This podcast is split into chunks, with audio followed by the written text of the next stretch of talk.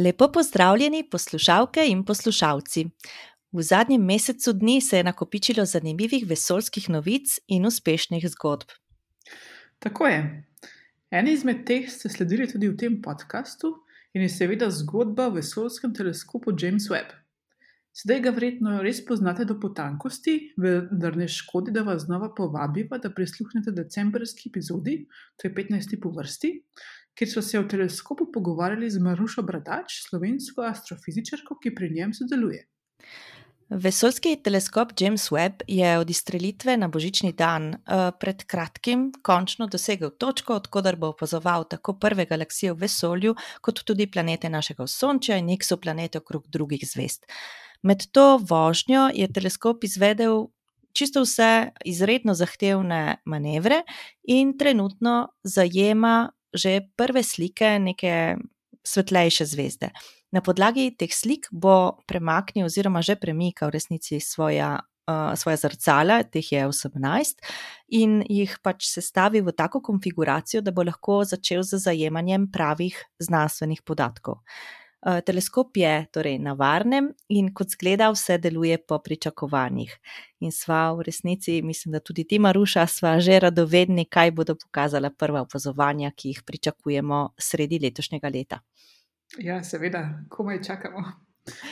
Uh, kot je že iz naslova razvidno, smo se odločili, da tokratno epizodo posvetiva črnim luknjam. In črne luknje bodo nastopile tako v novicah, ki so jih izbrali, kot tudi v intervjuju z najno gostjo. Začnimo najprej z novicami zadnjega meseca.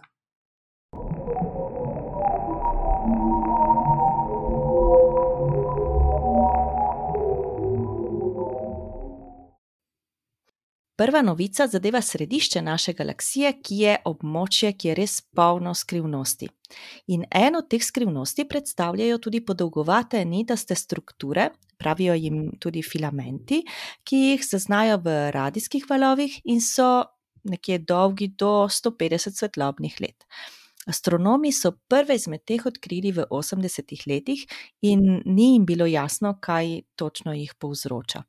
No, po treh letih opazovanj z antenami niza radijskih teleskopov Mercat, ki se nahajajo v Južni Afriki, in za uporabo posebne tehnike za obdelavo podatkov, so jih odkrili skupno skoraj tisoč. In s tako količino novo odkritih filamentov je rešitev ganke verjetno tudi bliže. Eh, tem skrivnostnim strukturam se lahko na podlagi njihovih fizikalnih lastnosti, njihove oblike, eh, pogostosti, podobnosti, tudi medsebojne lege in tako dalje, torej sklepa. O mehanizmih sevanja in tudi njihovega nastanka. Te odkrite nitaste strukture, naprimer, so našli običajno v parih ali v manjših skupinah. In dosedanje raziskave namigujejo na to, da, za radijsko sevanje, eh, da so za njihovo radijsko sevanje odgovorni hitri elektroni, ki se gibljajo v magnetnem polju. In te dolge niti, ki so jih opazili na posnetkih, bi lahko bile posledica pretekle aktivnosti središčne črne luknje v naši galaksiji ali pa povezane z ogromnima radijskima mehurčkoma, ki so jih odkrili v bližini središča galaksije pred nekaj leti.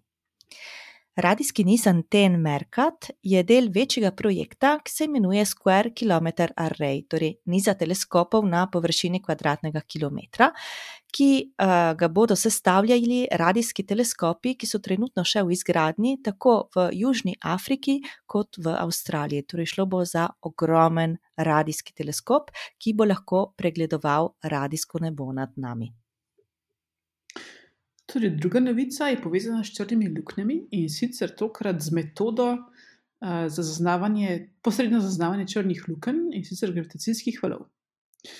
Prva eksperimentalna potrditev gravitacijskih valov je bila septembra leta 2015 in je povzročila pravo revolucijo v astronomiji. Njihova zaznava namreč ponuja edinstven pogled v procese, ki so povezani z masivnimi in kompaktnimi objekti, kot so naprimer črne luknje. Detektor LIGO je takrat ujel zadnje trenutke pred zlitjem dveh črnih lukenj z maso nekaj deset mas Sonca.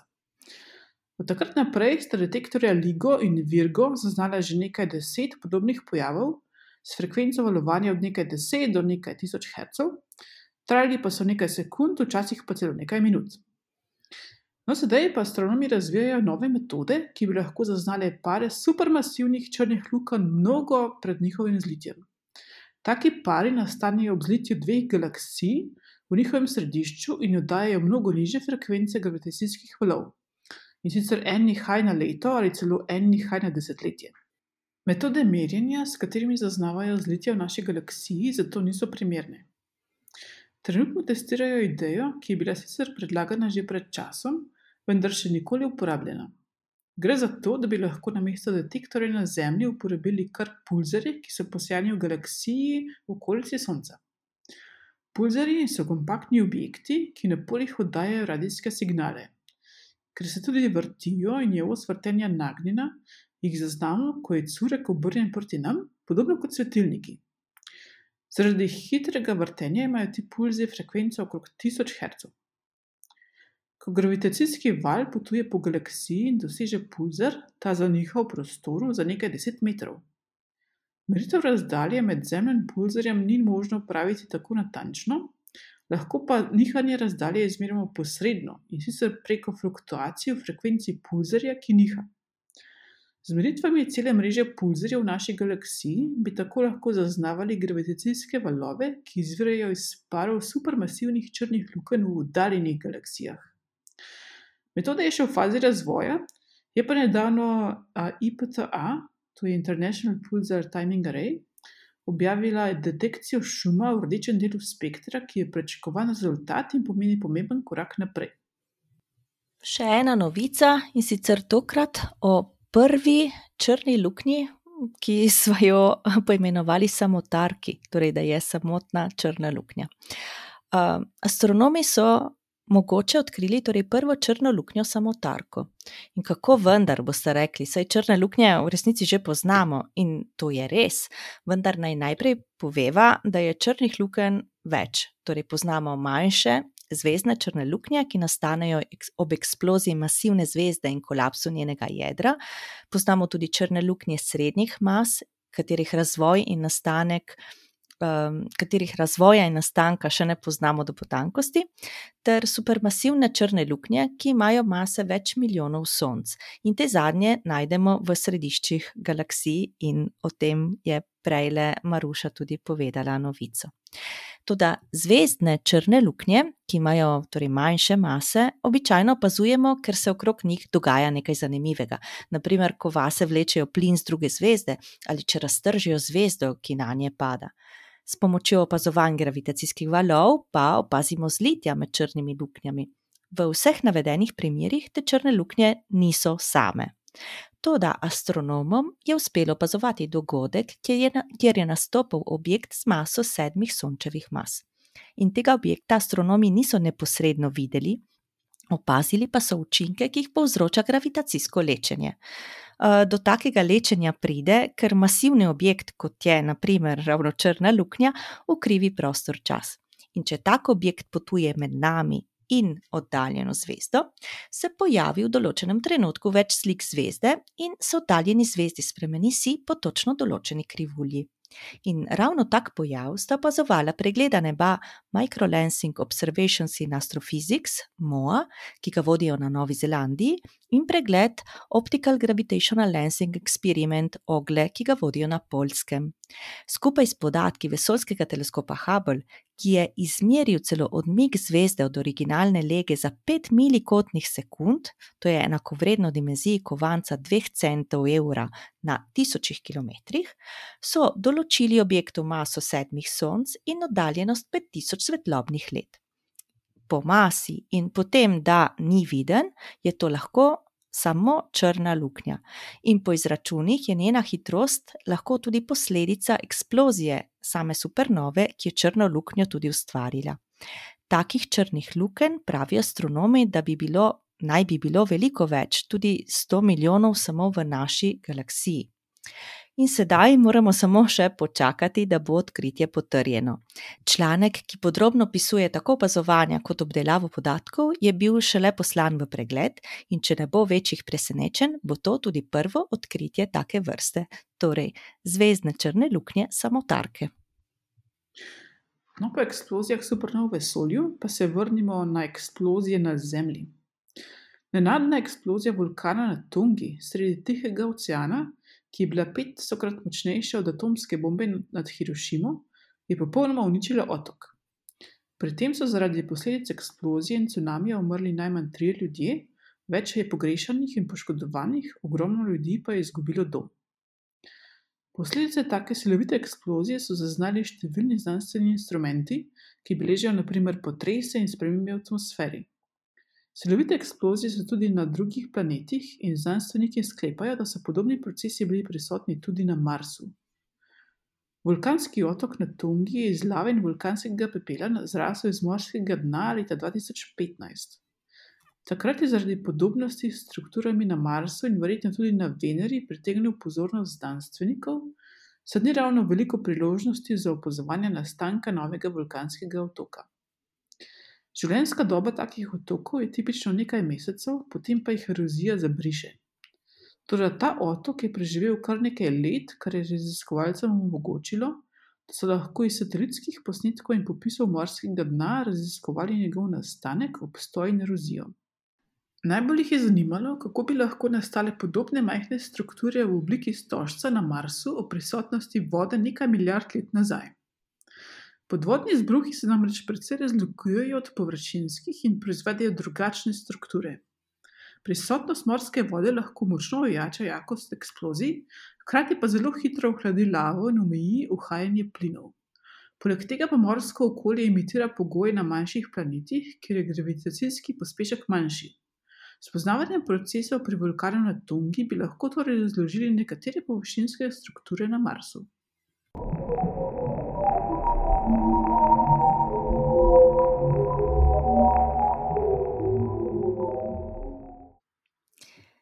Z nama je tokrat v podkastu um, gostja Andreja Gomboc, ki je profesorica astronomije na Fakulteti za naravoslovje na Univerzi v Novi Gorici in tudi raziskovalka v Centru za astrofiziko in kozmologijo. Lepo pozdravljena, Andreja. Živijo. Andreja, naju sedaj zanima malo več tema o črnih luknjah. Predno pa začneva s tole temo, bi te radi vprašali, s čim se ukvarjaš raziskovalno. Ja, raziskovalno se ukvarjam že v bistvu celo kariero s črnimi luknjami. Začela sem pri diplomi, ko sem se ukvarjala z uh, tem, kako bi videli padec zvezde v črno luknjo. Potem sem malce zabredla bolj v izbruhe sevanja gama, ki so eksplozije, pri katerih uh, nastanejo tudi črne luknje. In uh, zdaj zadnje čase se uh, največ ukvarjam spet z zvezdami, ki padajo v črne luknje in se pri tem raztrgajo, in takim dogodkom pravimo plimska raztrganja zvezd. In to je tudi eh, tema mojega gostovanja, ker trenutno sem v eh, Seattlu, v ZDA, na Univerzi v Washington, kot Fulbright eh, scholar, kjer sodelujem pri projektu Observatorija Vere Rubin. Um, zakaj pa te zanimajo ravno črne luknje, oziroma kaj je tisto, kar te je najbolj pripričalo, da se posvetiš njim? Črne luknje so tako skrivnostne, ker pač že ta iz znanstvene fantastike ali pa nasploh ta ideja, da nekaj pade v črno luknjo in je potem izgubljeno. Težko jih tudi vidimo, ker ne vdajajo svetlobe. In uh, vem, da sem pač kot študentka iskala temo za diplomsko nalogo. Sem prišla do profesora Čadeža, vprašala, če ima, ker je bil pač edini profesor astronomije takrat in v Sloveniji. Sem ga vprašala, če ima kakšno temo astronomsko za diplomo in je rekel to kako izgleda, če zvezda pade v črno luknjo, in meni so se oči zasvetle, in se mi je zdelo, da ja, to, to je pa nekaj, kar sem pripravljena mesece in mesece študirati. Na Twitterju sva prosili poslušalce, da nam pošljajo svoje vprašanja. In eno od prvih, seveda, uh, je ravno to, uh, kaj je črna luknja. Uh, zdaj, ta, to vprašanje je zastavil Peli iz podcasta, opravičujemo se za vse nevšečnosti in je posebej napisal oziroma prosil za odgovor za telebane oziroma za te, ki smo radi brali, kaj o vesolju v življenju in tehniki, ampak ne razumemo veliko. Tako kot bi Zlarti Bart fast poskušal razložiti Arturju Dentu. Torej, kaj, kaj so črne luknje, če bi lahko pelju in ostalim, tudi ki poslušajo, uh, obrazložila? Črna luknja je del vesolja, katerim je gravitacijska sila tako močna, da iz njega ne more nič pobegniti, niti svetloba, ne, ki se giblje pač za najvišjo možno hitrostjo, to je tistih 300 tisoč km na sekundo v vakumu. Ne. Zdaj, lahko si predstavljamo, naprimer, vem, če imamo nek, recimo, da imamo nek planet ali zvezdo. In recimo za Zemljo imamo znano ubežno hitrost, se pravi, da vržemo recimo kamen navzgor in lahko pobegne, lahko se pa pač na neki višini obrne in pade navzdol. Ne, to se zgodi, če mu damo premajhno eh, začetno hitrost. Eh, in recimo, če mu pa damo ravno dovolj veliko hitrost, to ubežno hitrost, potem pa se lahko pobegne daleč, daleč proč v neskončnost. Če, ta, če bi bila v mestu Zemlje, če bi bilo neko telo, ki bi bilo bolj gosto, potem bi morali, dati, bi morali temu kamnu dodati večjo hitrost, da bi lahko pobegnil. No, in če gremo do skrajnosti, se pravi, lahko si zamislimo nek tako gost objekt, da bi z njegovega površja potrebovali svetlobno hitrost, da bi pobegnili. In če naredimo še malo gostejši objekt, se pravi, pridemo do črne luknje, se pravi, da bi potrebovali nadsvetlobno hitrost, da bi obežali. Um, kaj pa opazovanje črnih lukenj, kako se je to spremenilo um, skozi čas? Ja, to je zanimivo vprašanje. E, črne luknje so pravzaprav e, teoretično nekako napoved dobile že kmalo po e, tem, ko je Einstein objavil to splošno teorijo relativnosti ki vključuje gravitacijo. In že tam kmalo je potem Karl Schwarzschild nekako iz tistih enačb prišel do rešitve, ki pravzaprav opisuje črne luknje. Ampak vrsto let, potem celo nekaj desetletij, so mislili, da so to pač samo neke čudne matematične eh, rešitve, ki pa dejansko v eh, fizikalnem svetu, v vesolju, ne morejo obstajati. Potem sta tam okrog leta 1939 dva raziskovalca prišla eh, nekako do sklepa, da bi masivne zvezde, ko končajo svojo življenjsko pot, se sesedle, njihove sredice bi se sesedle v take kompaktne objekte, eh, ki jim danes pravimo črne luknje. Takrat eh, to ime so dobile, pa potem šele v. Po drugi svetovni vojni, v 60-ih letih, ko so jih začeli raziskovati, tudi opazovalno, In sicer zato, ker so postale zelo zanimiv model za razlago kvazarjev. Se pravi, kvazarji so središča nekaterih eh, galaksij, ki zelo močno svetijo, dajo toliko svetlobe, naprimer, kot eh, več sto galaksij skupaj, prihaja pa ta svetloba iz majhnega območja eh, v središču galaksije. In potem, kot možen možna razlaga eh, takega objekta, so potem uporabili črno luknjo, v katero pada snov, in ta snov potem eh, v tem močnem gravitacijskem polju se približuje črni luknji, se tudi močno segreva in močno sveti. Tudi to so bili potem, eh, nekako so potem s kasnejšimi pozvanji seveda potrdili ta model. Eh, potem so v 70-ih recimo prišla tudi eh, opazovanja, ki so pokazala, da črne luknje obstajajo tudi v eh, tako imenovanih rengenskih dvojnih zvezdah, se pravi, ki imamo normalno zvezdo in, in ki ima neko spremljevalko, ki je ne vidimo, ker je majhna, ima pa močno gravitacijo in za svojo gravitacijsko silo vleče nas snov iz uh, te običajne zvezde. Uh, in to so. Potem pa seveda še nadgradili, to so tako imenovane potem zvezdne črne luknje, se pravi, take, ki imajo maso nekaj sončevih mas za razliko od tistih, ki so v središčih galaksij, za katerih pa tudi vemo danes, da eh, obstajajo ne samo v takih eh, kvazarjih in podobnih aktivnih galaksijah, ampak tudi v čisto običajnih eh, neaktivnih galaksijah, kot je naprimer naša galaksija. No, te imajo pa maso nekaj sto tisoč do nekaj deset milijard mas Sonca lahko. No, tisto, kar je pa zdaj zanimivega v zadnjih letih, je pa, da so poleg teh zvezdnih črnih lukenj, in supermasivnih črnih lukenj, da so eh, dolgo eh, odkrivajo tudi eh, črne luknje, ki so nekje z masami malo več kot recimo samo nekaj sončevih mas, ampak celo nekaj deset, tudi sto sončevih mas. Eh, te odkrivajo pa zdaj z pomočjo detektorjev gravitacijskih valov, se pravi preko zliti eh, črnih lukenj in signala, ki ga pri tem oddaja. In zdaj, seveda, eh, tisto, kar je pa še zelo veliko neraziskano področje, so pa tako imenovane vmesne črne luknje. To so pa tiste z masami med 100. Recimo, mas Sonca in recimo do tistih gor, do recimo 100 tisoč mas Sonca. Te vmesne črne luknje so pa seveda zanimive, ker nekako bi morale biti tam, ker če prihaja do zliti manj masivnih, teh zvezdnih črnih lukenj, potem seveda morajo nastajati tudi te vmesne. In tudi kot mogoče kot neka uh, semena, iz katerih so se razvile supermasivne črne luknje. Morda, ne? kako točno so te nastale, še ne vemo, ampak uh, lahko da so pač nastale z zlivanjem nekih teh uh, umestnih uh, črnih lukenj, nekako da so rasle skozi zgodovino vesolja. Katera so pa trenutno najbolj vroča vprašanja v črnih luknjah? Ja, veliko jih je. Eno vroče vprašanje je, kako so nastale te črne luknje, recimo z masami nekaj deset mas Sonca, ki jih zaznavamo s pomočjo detektorjev gravitacijskih valov, ker pač to nekako ni čisto v skladu z znanimi eh, modeli razvoja zvest.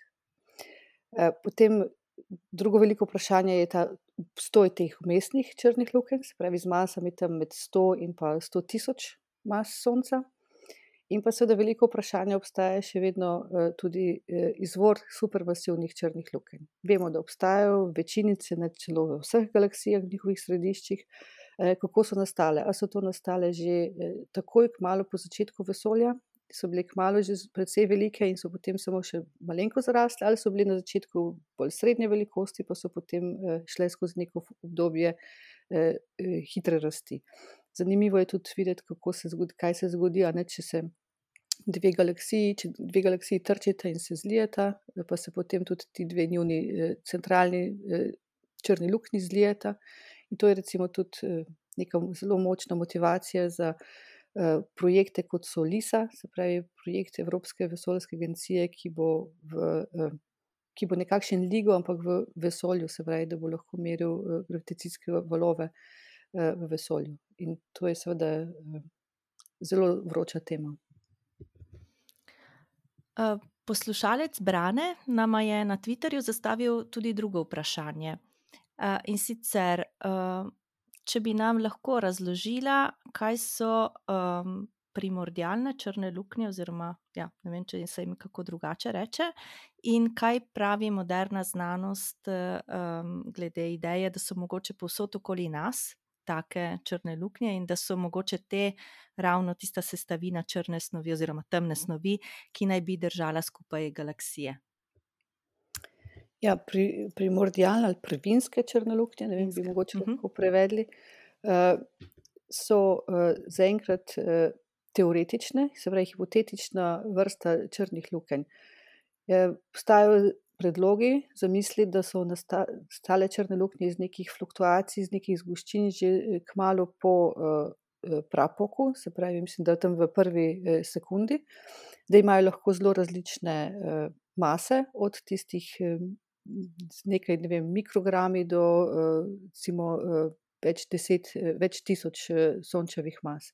Zdaj, tiste, ki bi bile Eh, z majhno maso, tam manj kot 10-11 kg, kar je recimo neka masa nekega asteroida. Take bi do zdaj že izhlapele zaradi tako imenovanega Hawkingovega sevanja, tiste bolj masivne bi pa lahko uh, ostale še tudi do danes.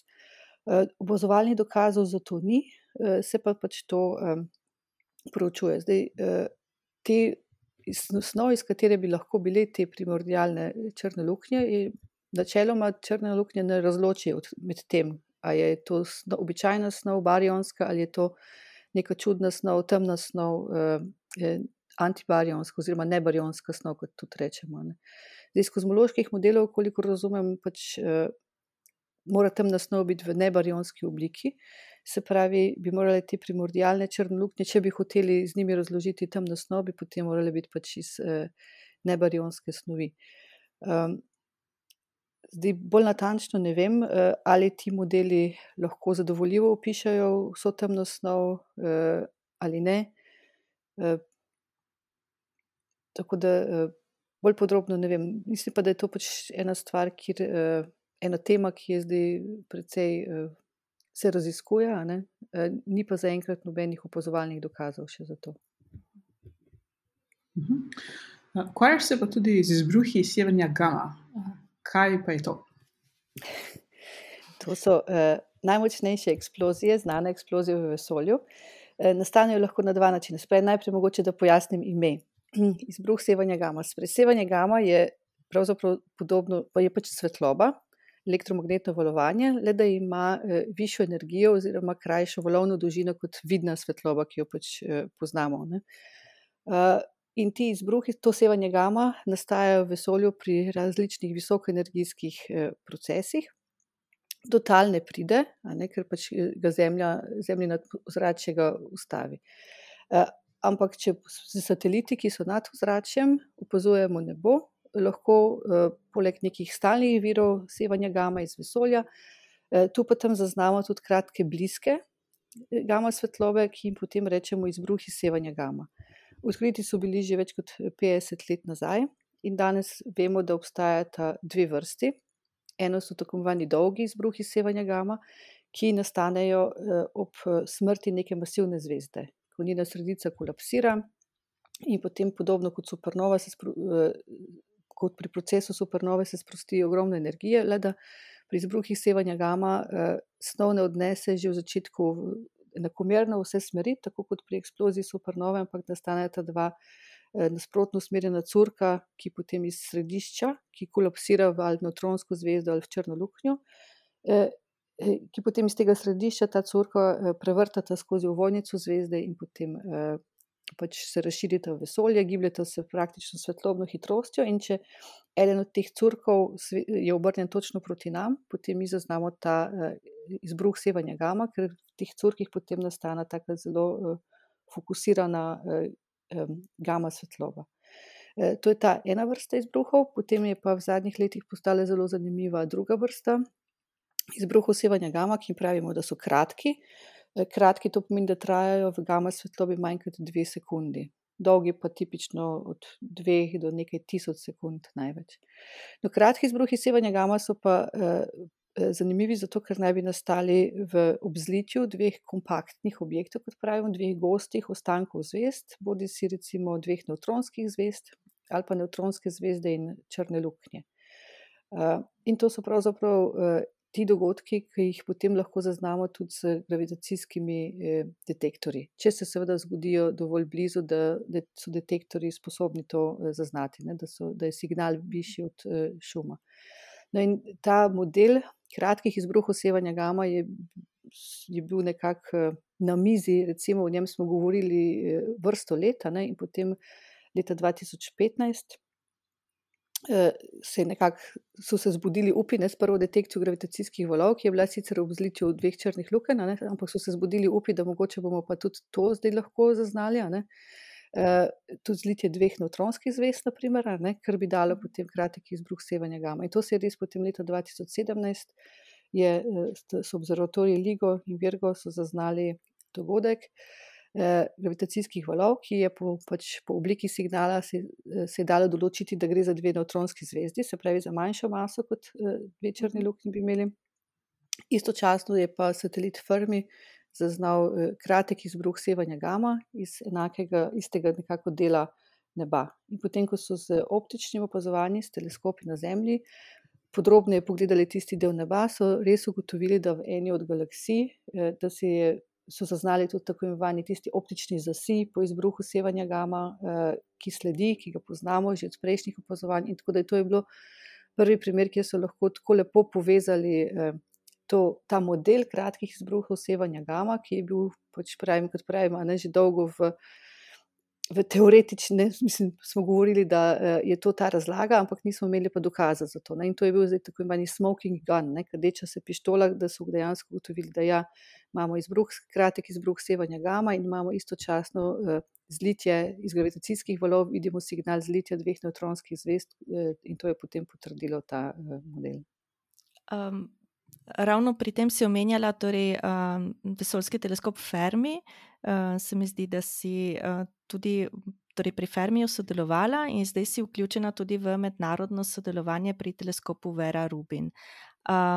s katerimi znanstvenimi vprašanji se boš tukaj ukvarjala, torej pri tem projektu? Naj, naj te popravim, pri teleskopu Fermi nisem sodelovala, sem samo bila uporabnica njegovih podatkov. ja, pri teleskopu Vere Rubin je projekt teleskopa v, ki je v gradnji v Čilu, zdaj se že približuje končnim fazam izgradnje. gre za teleskop, ki ima osem cela štiri metra, kar samo po sebi dandanes ni veliko, kar je pa njegova posebnost, je pa, da je istočasno ob tem, da ima kar velik premjer, je pa istočasno tudi zelo veliko zorno polje, približno 10 kvadratnih stopinj. In to mu bo omogočilo, da bo recimo v treh nočeh posnel vse objekte na nebu, in to do precej, do, mislim, da do magnitude 23 v enem posnetku. Ne. Se pravi, bo lahko nekaj, nek pregled neba, ki so ga nekoč delali eh, deset let ali pa več let, a ne bo zdaj lahko naredil v eh, treh nočeh in to bo potem ponavljal eh, deset let, predvidoma. Mhm. In na pač njegovi. Eh, voditelji, oziroma tisti, ki so si ga zamislili, pravijo temu, da nam bo dal barvni, barvni film vesolja, ne samo sliko, ampak barvni film vesolja, ker bo pač seveda opazoval v različnih barvnih filtrih in ker bo pač redno spremljal, ne bomo dejansko dobili eh, ne samo trenutni posnetek, ampak cel eh, film. Eh, in to je seveda idealno, pač ena od štirih glavnih. Raziskovalnih tem observatorija Vere Rubin je, para, je opazovanje tranzitnih pojavov, spremenljivih in tranzitnih pojavov na nebu. Tranzitni pojav, s tem mislimo pač vse, kar se spremeni, v bistvu, kar se pojavi, pa potem čez čas izgine. Ne, spremenljive mhm. zvezde so vse čas tam, pa se jim spremenja, recimo, vsi. Tranzitni so pa neki, ki se pojavi in potem zgine, naprimer, eksplozije supernov so lahko take. Ne, če zvezde prej ne vidimo, potem pa jo vidimo samo med tem, ki pač gre skozi to fazo. In uh, takih tranzitnih pojavov je danes vemo veliko na nebu, veliko vesolju, samo pač prej jih nekako nismo zaznali, ker smo opazovali samo določene dele neba, posamezne objekte. Jih, uh, če pa delamo široke preglede neba, potem pa lahko hitro vidimo, da se marsikaj uh, dogaja. No in eden, uh, ena vrsta. Teh tranzitnih pojavov je seveda to plimsko raztrganje zvezd, o katerem smo na začetku govorili.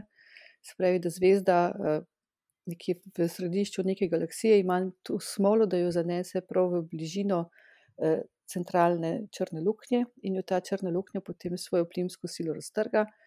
Dobimo potem tak eh, oblak plina, ki se potem eh, nekako vrtinče okrog te črne luknje, v njem prihaja do eh, udarnih valov. Uh, segreva se in potem oddaja lahko svetlobo, od rengenske do recimo ultraviolečne in pa vidne uh, svetlobe.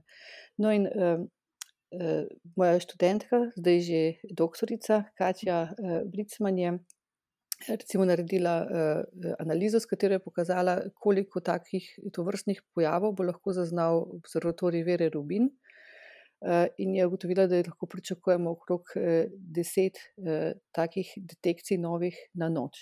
Za primerjavo, recimo, doslej je znanih okrog 60 takih dogodkov v vseh pač, raziskavah doslej. In ta z observatorijem Vere Rubin bi lahko zaznali veliko večje število plimskih raztrganj zvest in to bi nam potem omogočilo tudi ne samo neke posamične študije, ampak tudi statistične študije. Ker recimo mhm.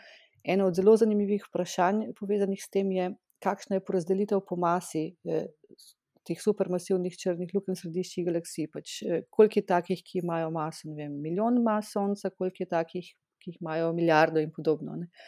In do zdaj lahko seveda to, eh, to proučujemo samo preko aktivnih galaksij, kjer uh -huh. eh, prihaja pač nek izsev iz središča galaksije, da, ki nam pomaga potem določiti, koliko je masa, ali pa eh, nekaterih posebnih posameznih galaksijah, kjer lahko recimo razločimo gibanje zvezd ali pa oblakov plina v središču galaksije. Ampak tega za veliko število galaksij ne moremo uh, narediti. Tako da ta, ti dogodki plimskih raztrganj zvezd, se, se pravi, ta, ti dogodki so uh, zanimivi zato, ker nam omogočajo proučiti, kakšne so mase črnih lukenj v nekem statističnem vzorcu. Večina uh, supermasivnih črnih lukenj je neaktivnih, in jim težko določimo lastnosti, recimo, kakšno maso imajo. Eh, s pomočjo teh dogodkov pa lahko iz njihovih eh, iz lastnosti, njihove svetlobe, eh, določimo maso, tako maso črne luknje, kot morda tudi njihovo vrtilno količino, naprimer, če se vrtijo. Se pravi, nam lahko s temi dogodki nekako proučujemo celotno populacijo črnih lukenj v središčih galaksij. Bliža se mednarodni dan deklet in žensk v znanosti, ki bo 11. februarja. Zakaj je ta dan pomemben in kakšno sporočilo imaš za mlade dekleta, ki bi se rade ukvarjali z astronomijo in naravoslovjem nasploh? E, jaz mislim, da je pomembno, da se, v, ob tem dnevu, da se vse ob tem dnevu malo ozremo v preteklost in da se spomnimo uh, prispevkov žensk, ki so jih imele v znanosti, tudi v astronomiji konkretno. Uh, tistih redkih, ki jih najdemo naprimer, v učbenikih, in pa tudi tistih, ki so spregledane v njih. Pomembno je pa tudi, da se zavemo v sedanjosti, da ženske pomembno prispevajo k reševanju velikih problemov človeštva, k znanstvenim odkritjem in da je potrebno jim omogočiti enako deležbo v znanosti kot moškim, tudi eh, enake eh, pogoje za napredovanje, za eh, uveljavitev svojih idej, svojih načinov reševanja problemov. Naprimer. Ker mislim, da moramo pri tem izkoristiti vse človeški kapital, se pravi vse nadarjene ljudi in pa tudi različne poglede, mogoče ljudi z različnimi izkušnjami. Na, me, na svet za dekleta, eh, ki se recimo odločajo za, za izbiro karierne poti, ne, je vsekakor, da naj eh, sledijo svojim eh, interesom in pa svojim talentom.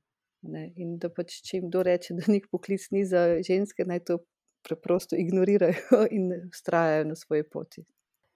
Andreja, najlepša hvala, da uh, si uh, bila z nama tukaj v, uh, v podkastu, najna gostja, in upava, da, uh, da bo še kdaj prišla na obisk in nam še kaj zanimivega povedala. Hvala lepa.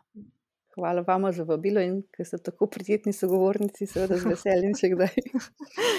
Lepo. Hvala. Srečno v Ameriki. Ja, hvala, srečno vama.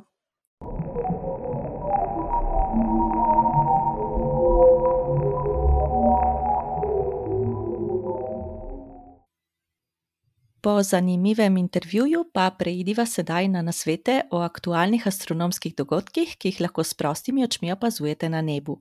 Tokrat v februarju nastopajo Venera, Mars in Jupiter. Februarja bosta Venera in Mars potovala po zvezdi Strelca. Veneri se bo si začel manjšati. Obzori si jo lahko ogledamo nizko nad jugovzhodnim obzorjem, saj bo na višini približno 7 stopinj. Do sredine marca bo zraven nje viden tudi Mars, izredno šipka pika levo spodaj od Venere. Velikan našega osončja Jupiter, ki je kraljeval v prejšnjih mesecih, pa zahaja vedno bolj zgodaj in je vedno nižje nad zahodnim in jugozahodnim obzorjem.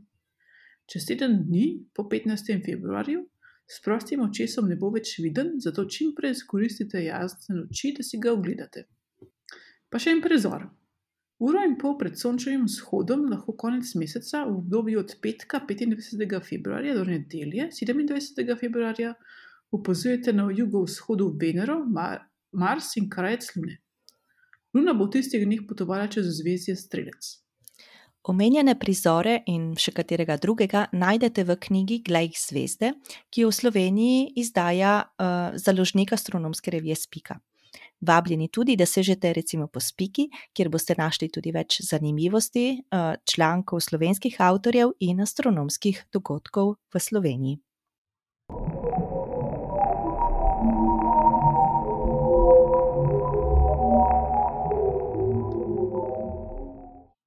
Temna stran Lune je podcast namenjen vsem vam, ki vas zanima vesolje. Občasno zaideva in poiščeva tudi kakšno povezavo z zgodovino, glasbo in drugimi znanostmi. Podcast najdete pa prvi ponedeljek v mesecu v vaši priljubljeni aplikaciji. Sredi meseca pa najdete v aplikaciji še krajšo epizodo za razlago zvoka iz vesolja. V januarju smo vam predstavili tiktakanje izredno pomembne naprave, ki je sedaj 1,5 milijona km stran od nas. Podcast domuje na spletnem naslovu anshor.fm, pošiljnica temna stran Lune. V zapiskih vseh epizod najdete zanimive povezave do novic in vsega, kar smo omenili. Vabljeni, da k poslušanju povabite tudi svoje prijatelje. Hvala tistim, ki ste nam nudili na svete in naj upozorili tudi na tehnične in zvočne težave. Se jih bomo potrudili odpraviti. Če imate vprašanja, se oglasite na družbenih omrežjih, kjer sva temna stran Lune ali na e-mail podcast.skem.temna stran Lune afna gmail.com. Mnenja in predloge zbirava tudi na Google obrazcu v opisu epizode. In naj še dodam, da je bil predlog enega od poslušalcev ravno to, da v eni epizodi uh, se osredotočimo na črne luknje, tako da to je ravno ta epizoda. Glasbeno naslovnico je ustvaril Peli iz podcasta Opravičujemo se za vse neušečnosti in v njem nastopa tudi naša gostja kot citatobralka v eni izmed zadnjih epizod. V tokratni oddaji je bila gostja Andreja Gomboc, ki nam je razkrila skrivnosti črnih luken. Vaši podcasterki Maruša in Dunja vam želiva prijeten februar. Znova se slišimo na začetku marca. Srečno!